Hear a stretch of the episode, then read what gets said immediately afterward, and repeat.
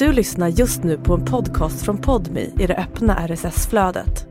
För att få tillgång till Podmis alla premiumpoddar helt utan reklam, prova Podmi Premium kostnadsfritt. Ladda ner appen i App Store eller Google Play. Trapphusmordet i Örebro.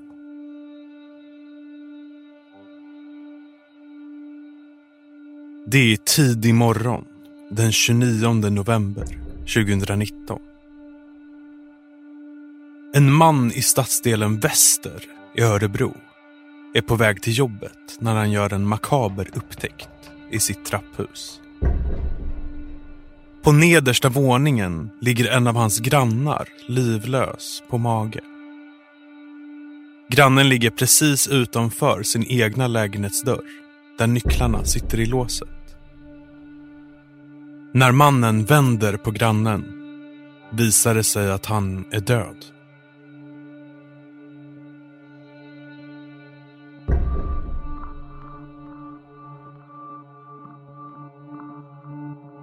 Grannen är den 60-åriga Robert.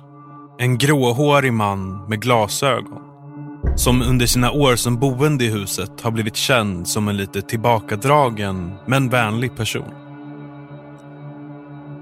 Men han är också känd för att det ofta är högljudda bråk i hans lägenhet. När polisen en stund senare kommer till adressen känner de igen sig från tidigare utryckningar. Inne i Roberts lägenhet, nerbäddad i en säng, hittar de den personen de redan har börjat misstänka ligger bakom mordet. Du lyssnar på Svenska mordhistorier med mig, Kristoffer Holmberg.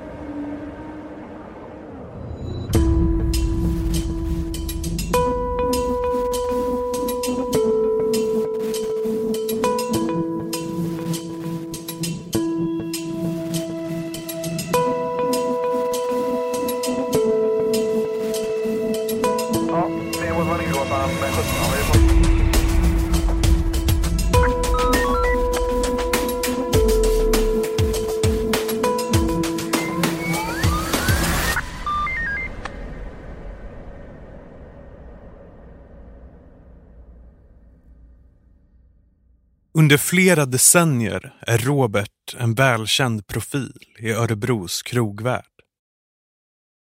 Efter att ha jobbat i 20 år som kock och köksmästare blir han runt millennieskiftet säljare hos en stor matgrossist. Hans säljbesök på Örebros restauranger brukar vara uppskattade. Robert är en kunnig, trevlig och allmänt omtyckt person. I slutet av 80 och början av 90-talet är Robert sambo med en kvinna som han får en son och en dotter med. 1994 separerar paret och något år senare träffar Robert en ny kvinna. De gifter sig och år 2000 får även de barn, tvillingflickor. I mars året därpå gör Närkes Allehanda ett reportage hos familjen som får agera exempel till en nyhet om att det blir allt vanligare med tvillingfödslar i Sverige. Att få två bebisar samtidigt innebär kaos och stress men också väldigt mycket glädje, förklarar de lyckliga föräldrarna. Robert berättar också om sin roll som fyrabarnspappa hur han försöker ge extra uppmärksamhet åt de båda äldre syskonen under deras pappaveckor.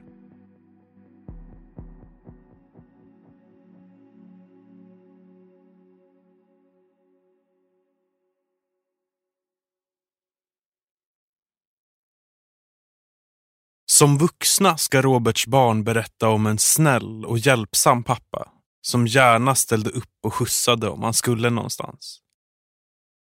Men också en pappa som har en annan sida.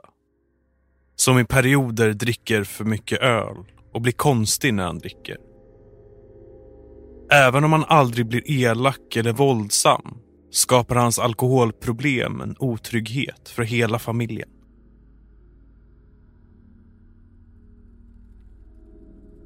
Roberts fru försöker hålla upp en fasad mot barnen och omgivningen. Hon kommer senare att berätta att Roberts alkoholproblem var jobbigt att leva med. Men att han aldrig var hotfull. Hon har aldrig varit rädd för att han skulle göra henne eller barnen illa. I början av 2017 skiljer sig Robert och hans fru. Skilsmässan tar hårt på Robert och hans mångåriga alkoholproblem övergår till regelrätt missbruk. Han får allt sämre kontakt med sina barn som nu har hunnit bli mellan 16 och 25 år. Till slut är det bara den äldsta dottern som har en någorlunda regelbunden kontakt med honom. Robert skuldsätter sig och hamnar hos Kronofogden.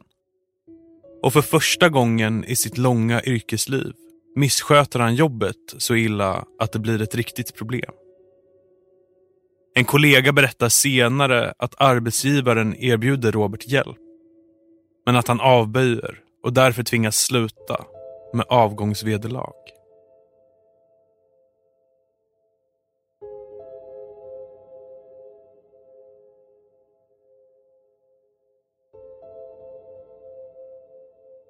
En dag på hösten 2017 träffar den nu 58-åriga Robert den 10 år yngre Sara.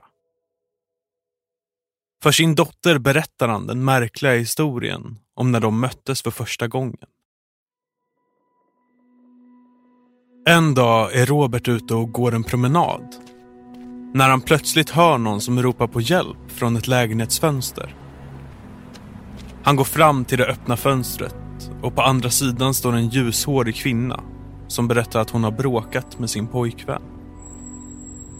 Nu behöver Sara, som hon heter, komma bort från den hotfulla mannen. Robert säger att hon kan följa med honom och tillsammans går de hem till Robert. Vad han inte vet är att han precis begått sitt livs största misstag.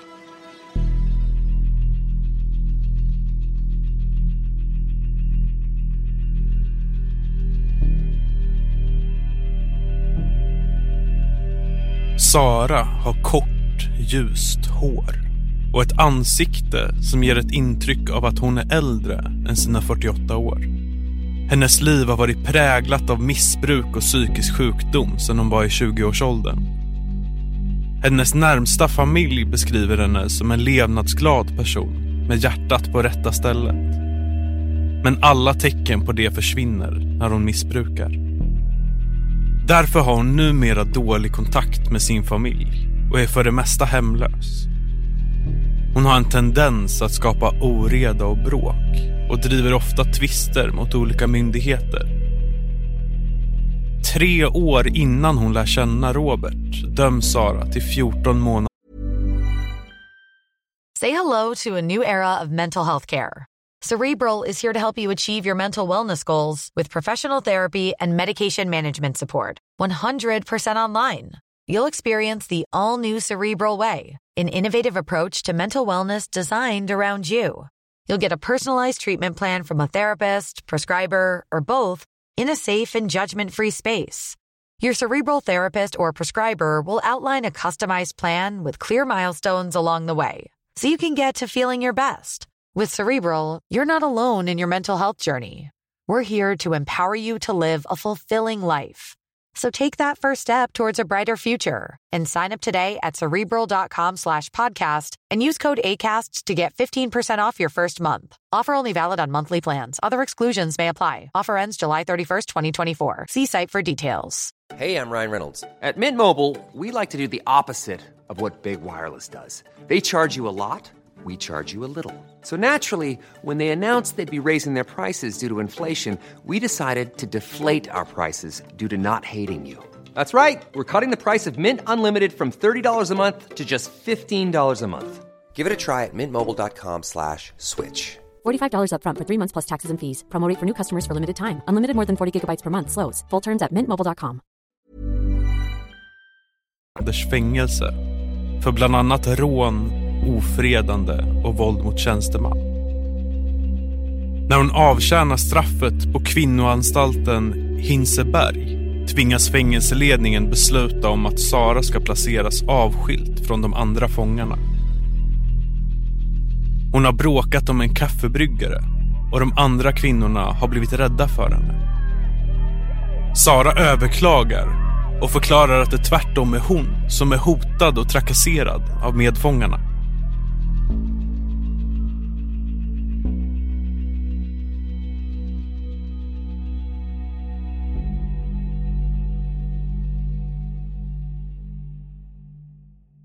Efter den där dagen, när Robert träffat på Sara och låtit henne följa med hem till sig, inleder de båda en relation. Robert ger henne tak över huvudet, mat och nya kläder. Men Roberts barn känner ingen glädje över att han träffat en ny kvinna.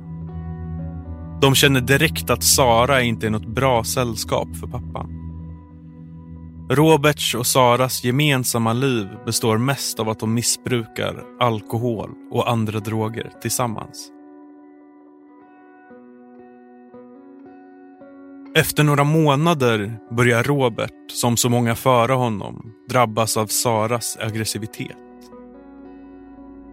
Den första kända misshandeln sker i februari 2018. Enligt polisanmälan slår Sara Robert två gånger i ansiktet så att han tappar medvetandet, börjar blöda och får en rejäl blåtira efteråt. Efter att först ha polisanmält händelsen ångrar Robert sig och vill inte medverka i någon fortsatt polisutredning. En månad senare anmäler han en ny misshandel. Denna gång ska Sara ha bitit honom i fingret. Själv säger hon att Robert har sparkat och slagit henne.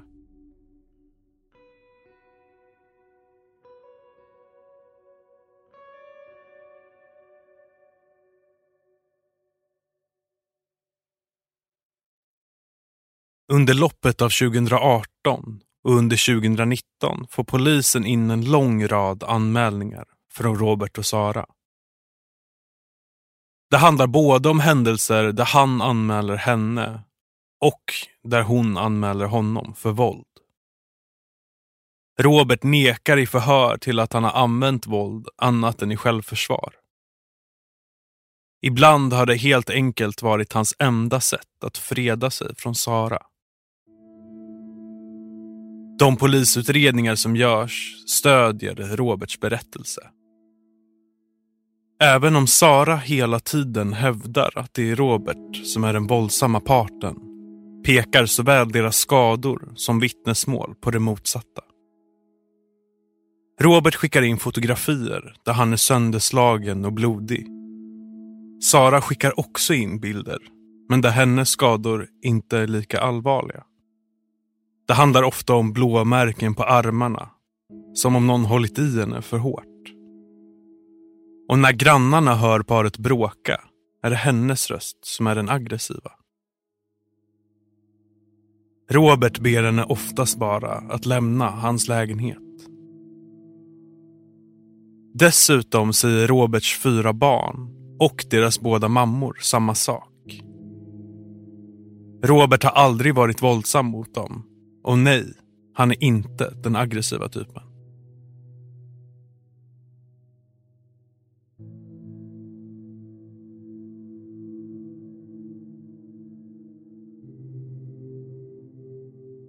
Den mest allvarliga händelsen inträffar en decemberkväll 2018.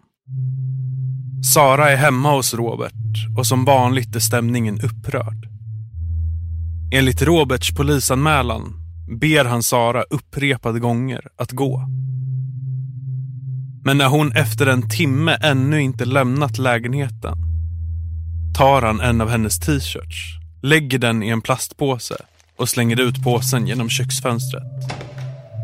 Innan han hinner märka något har Sara greppat en ölsejdel som hon smäller till honom över huvudet med två gånger.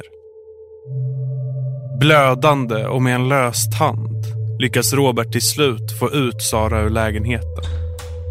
Därefter ringer han polisen. Senare får hans skador sys med 16 stygn i pannan. och 6 i läppen. Sista gången Robert förhörs om det våld han ska ha utsatts för i relationen med Sara är i mitten av september 2019. Två månader innan han hittas död i trapphuset. Så sent som två dagar före sin död besöker Robert dessutom polisen för att ansöka om ett kontaktförbud mot Sara på grund av alla bråk. Men polisen hinner aldrig påbörja ärendet.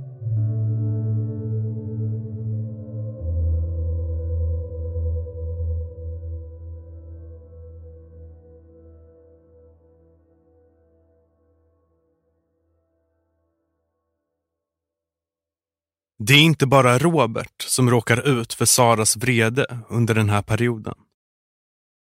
Vid ett tillfälle ska två ambulanssjukvårdare lasta in en skadad Sara i ambulansen när hon plötsligt slår till den ena i ansiktet. En annan gång ska Sara, som omhändertagits för berusning, avvisiteras i arresten när hon försöker bita en arrestvakt i handen. Ytterligare en händelse sker när Sara kliver på en linjebuss i centrala Örebro utan giltig biljett. När busschauffören vill att Sara lämnar bussen kränker Sara henne med obscena uttalanden och gester. Och till slut slår hon chauffören i huvudet med en bag-in-box. Chauffören, som blivit skrämd av den våldsamma attacken, tvingas sjukskriva sig efteråt. Händelsen på bussen kommer leda till att Sara ett år senare åtalas för ofredande, sexuellt ofredande och våld mot tjänsteman. Men då kommer hon ha större problem än så med lagen.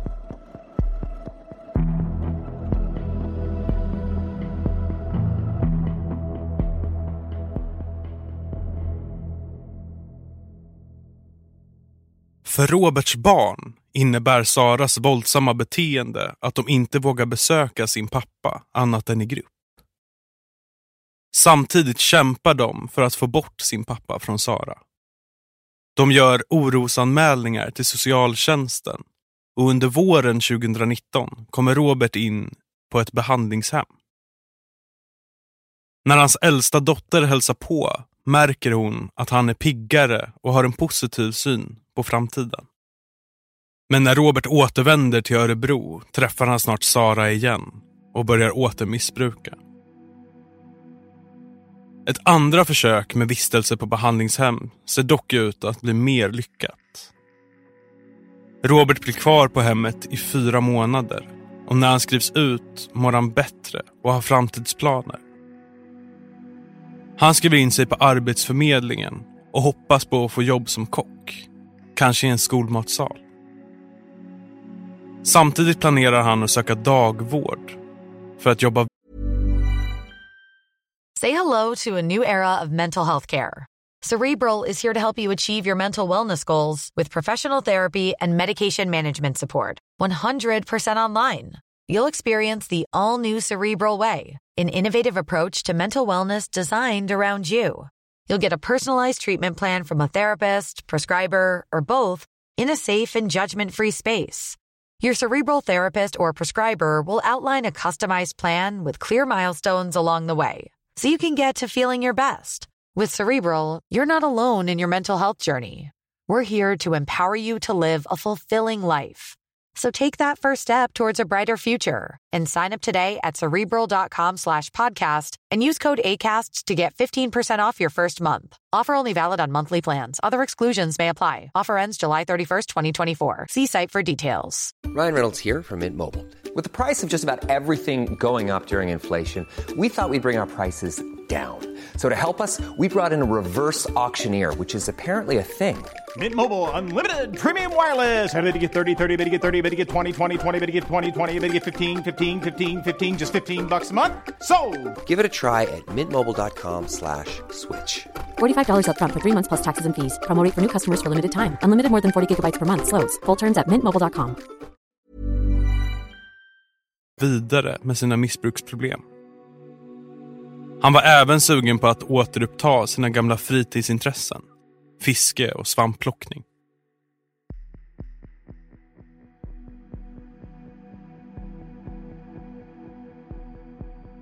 Robert får också provjobba på en restaurang i Örebro. Ägaren är en gammal kund och vän från Roberts år som säljare. Vännen beskriver senare hur Robert verkade nedstämd Kanske berodde det på att Sara ännu en gång hade sökt upp honom och börjat sova över i hans lägenhet. För efter en längre tids lugn märker grannarna hur det nu åter bråkas i Roberts lägenhet. Till slut blir problemen så stora att hyresvärden beslutar om att Robert ska vräkas.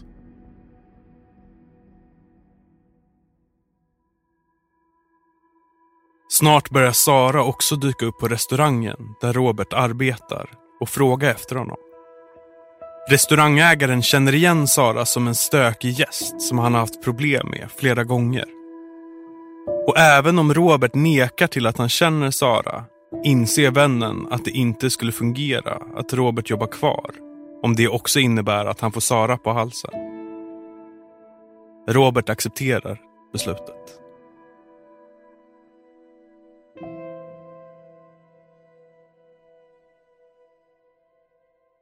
Kvällen den 28 november 2019 är Robert och Sara hemma hos Saras före detta pojkvän i Markbacken i nordvästra Örebro på fest.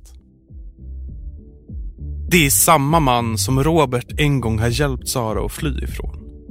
Men numera är de vänner och umgås i samma kretsar av missbrukare. Ytterligare två gäster, en man och en rätt mycket yngre kvinna är där. Totalt är de fem personer i lägenheten. Sara har med sig en flaska glögg och ett par av gästerna köper narkotikaklassade bensodiazepintabletter av värden. När Sara vill ge sitt telefonnummer till den andra kvinnan ber denna även om att få Roberts nummer eftersom hon tycker att han verkar trevlig. Då blir Sara rasande och gör ett utfall mot kvinnan. För att skydda sin gäst tvingas värden brotta ner Sara på golvet innan han kastar ut henne ur lägenheten. Också Robert lämnar festen. Det är sista gången någon annan än Sara ser honom i livet. Sara verkar av allt att döma bli rasande över den kränkande behandling hon tycker det är att ha blivit utslängd från festen. Vid halv tolv på kvällen ringer hon till polisen och anmäler mannen som arrangerat festen för misshandel. Hon säger också att den unga kvinnan som har varit på festen har rymt från ett behandlingshem och säljer sex. Samma kväll, natten den 29 november 2019. Från midnatt och en halvtimme framåt hör flera grannar ett högljutt bråk från Roberts lägenhet. Som sen förflyttar sig ut i trapphuset. Det är egentligen inget som någon av grannarna reagerar särskilt starkt över. Att Sara och Robert skriker till varandra är något de är vana vid. Det är ingen som hör vad de bråkar om. Någon konstaterar däremot att bråket blir ovanligt kort. Det sista som hörs är två höga skrik från Robert, följda av en duns.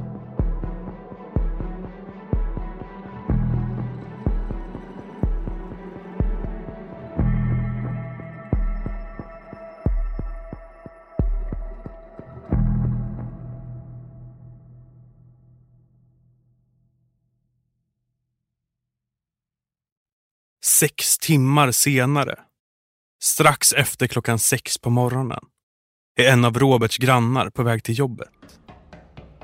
I trappuppgången möts han av en fruktansvärd syn. Robert ligger blodig framför sin lägenhetsdörr. Vid det här laget är han redan död. När grannen ringer 112 uppmanas han ändå att sätta igång med hjärt och lungräddning. Han blir sedan avlöst av ambulanspersonalen. Men när ambulansen kommer fram till universitetssjukhuset Örebro dödförklaras Robert. Klockan är nu strax efter sju på morgonen.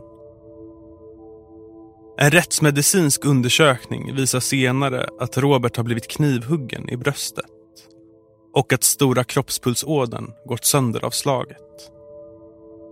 Någon gång runt klockan två på natten har Robert dött genom en kombination av förblödning och att han kvävts från att han har andats in sitt eget blod.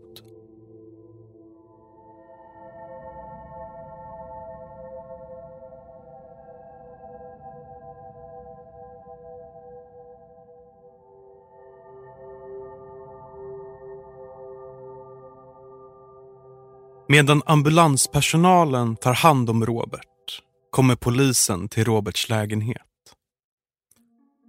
Patrullerna är bekanta med både adressen, Robert och Sara sedan tidigare. Det är vid det här laget flera Örebropoliser som har fått åka dit efter larm om misshandel. Poliserna går in i den tysta och upplåsta lägenheten för att leta efter Sara. De hittar henne snart i sovrummet där hon ligger vaken i sängen. Det första Sara säger är att Robert har slagit henne och att han har haft en kniv. De ber henne visa sina händer och kliva upp ur sängen. När Sara kommit in på polishuset delges hon misstanke om mord. När hon får reda på att Robert är död verkar hon förvånad och frågar om förhörsledaren skämtar med henne. Hon säger att hon inte kan tänka sig att Robert är död.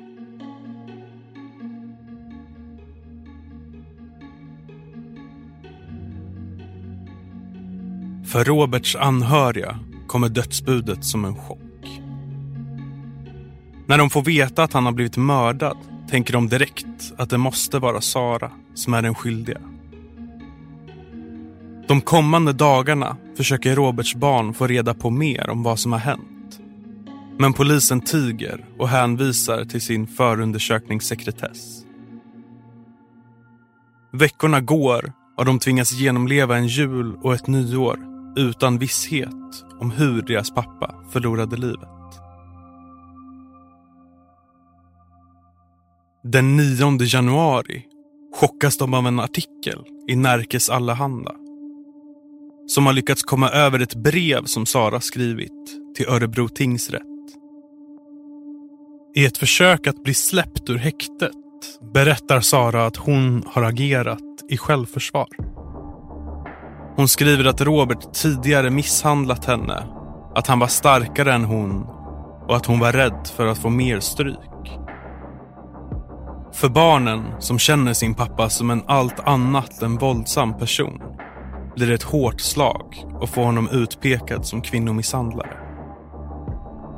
När de undersöker saken visar det sig dessutom att artikeln grundas på en sekretessbelagd handling. Det här blir en i raden av många motgångar som Roberts barn behöver hantera vid sidan av förlusten av fadern.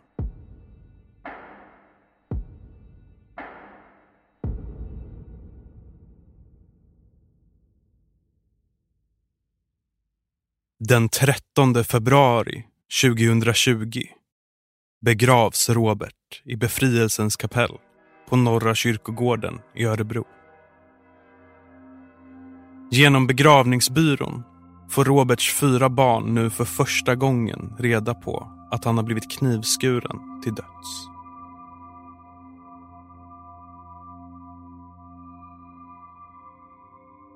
Två veckor senare håller polisen sitt sjätte förhör med Sara sen gripandet tre månader tidigare. I det lilla förhörsrummet på polishuset i Örebro sitter Sara, de båda förhörsledarna och Saras advokat. I ett annat rum kan två polisinspektörer, en utredare och den åklagare som snart ska väcka åtal mot Sara lyssna på förhöret medan det pågår. Stämningen är till en början uppskruvad och Sara är oerhört defensiv. När förhörsledaren läser upp åklagarens preliminära gärningsbeskrivning protesterar hon vilt. Nej, hon har inte huggit någon kniv i Roberts bröst, hävdar hon. Och nej, Hon har inte sett något blod.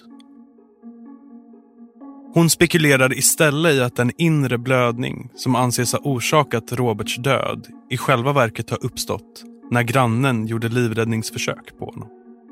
Förhörsledaren går vidare. Han konfronterar Sara med att Roberts blod har hittats på en hoodie som har hängt inne i lägenheten. Och att hennes mobil hittats i fickan på samma hoodie. Någon har tagit en skärmdump med mobilen kvart i ett på natten. Och det finns avtryck med Roberts blod på den. Men Sara fortsätter att neka. Förhöret pågår i 48 minuter och följs två veckor senare upp av ytterligare ett. Där tar förhörsledarna upp ett nytt bevis. Ljudkontroller som polisen låtit göra hemma hos Roberts grannar. Med hjälp av dessa har man försökt avgöra var i sin bostad Robert och Sara har befunnit sig när grannarna har hört dem bråka. Mätresultaten talar för att det är i hallen eller ute i trappuppgången som bråket har ägt rum. Sara har hela tiden hävdat att bråket där Robert haft en kniv i handen har skett inne i lägenheten. Men trots dessa nya bevis fortsätter Sara insistera på att alla andra har fel.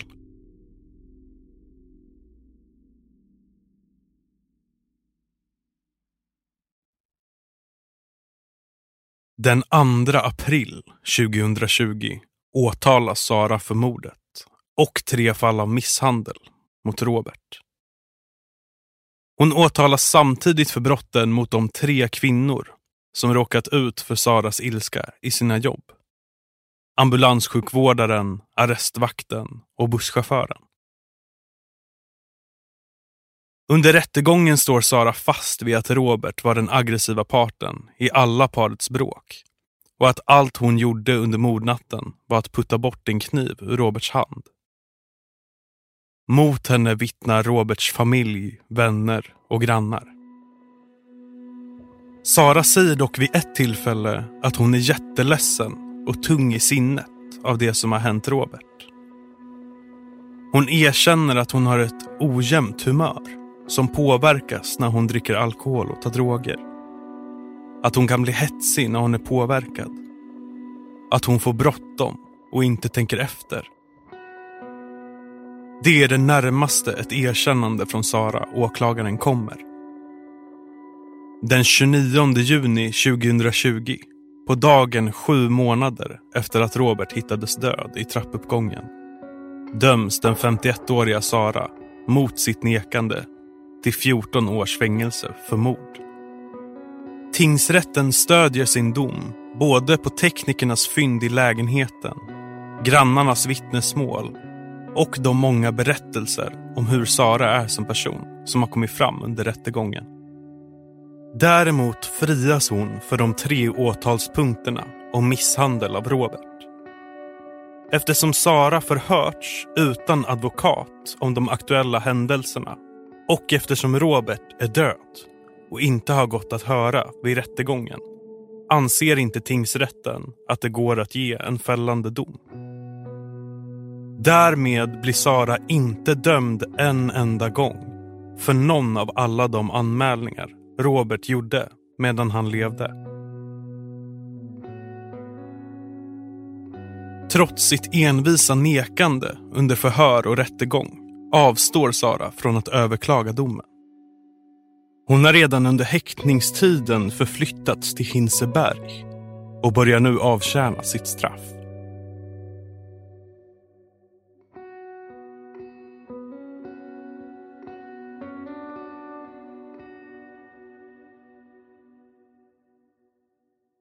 För Roberts barn har mordet blivit ett trauma som de alla på olika sätt har behövt söka hjälp utifrån för att hantera.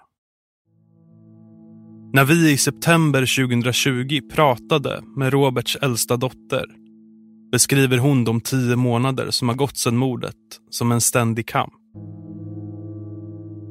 En kamp för att få den ekonomiska ersättning de har rätt till.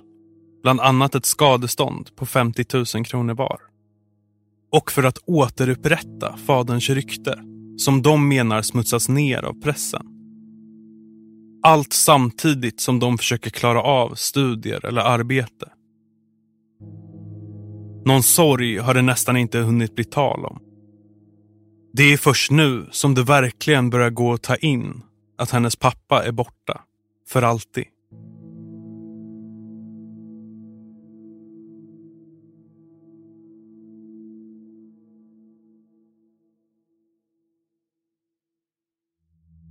Du har lyssnat på Svenska mordhistorier med mig, Kristoffer Holmberg.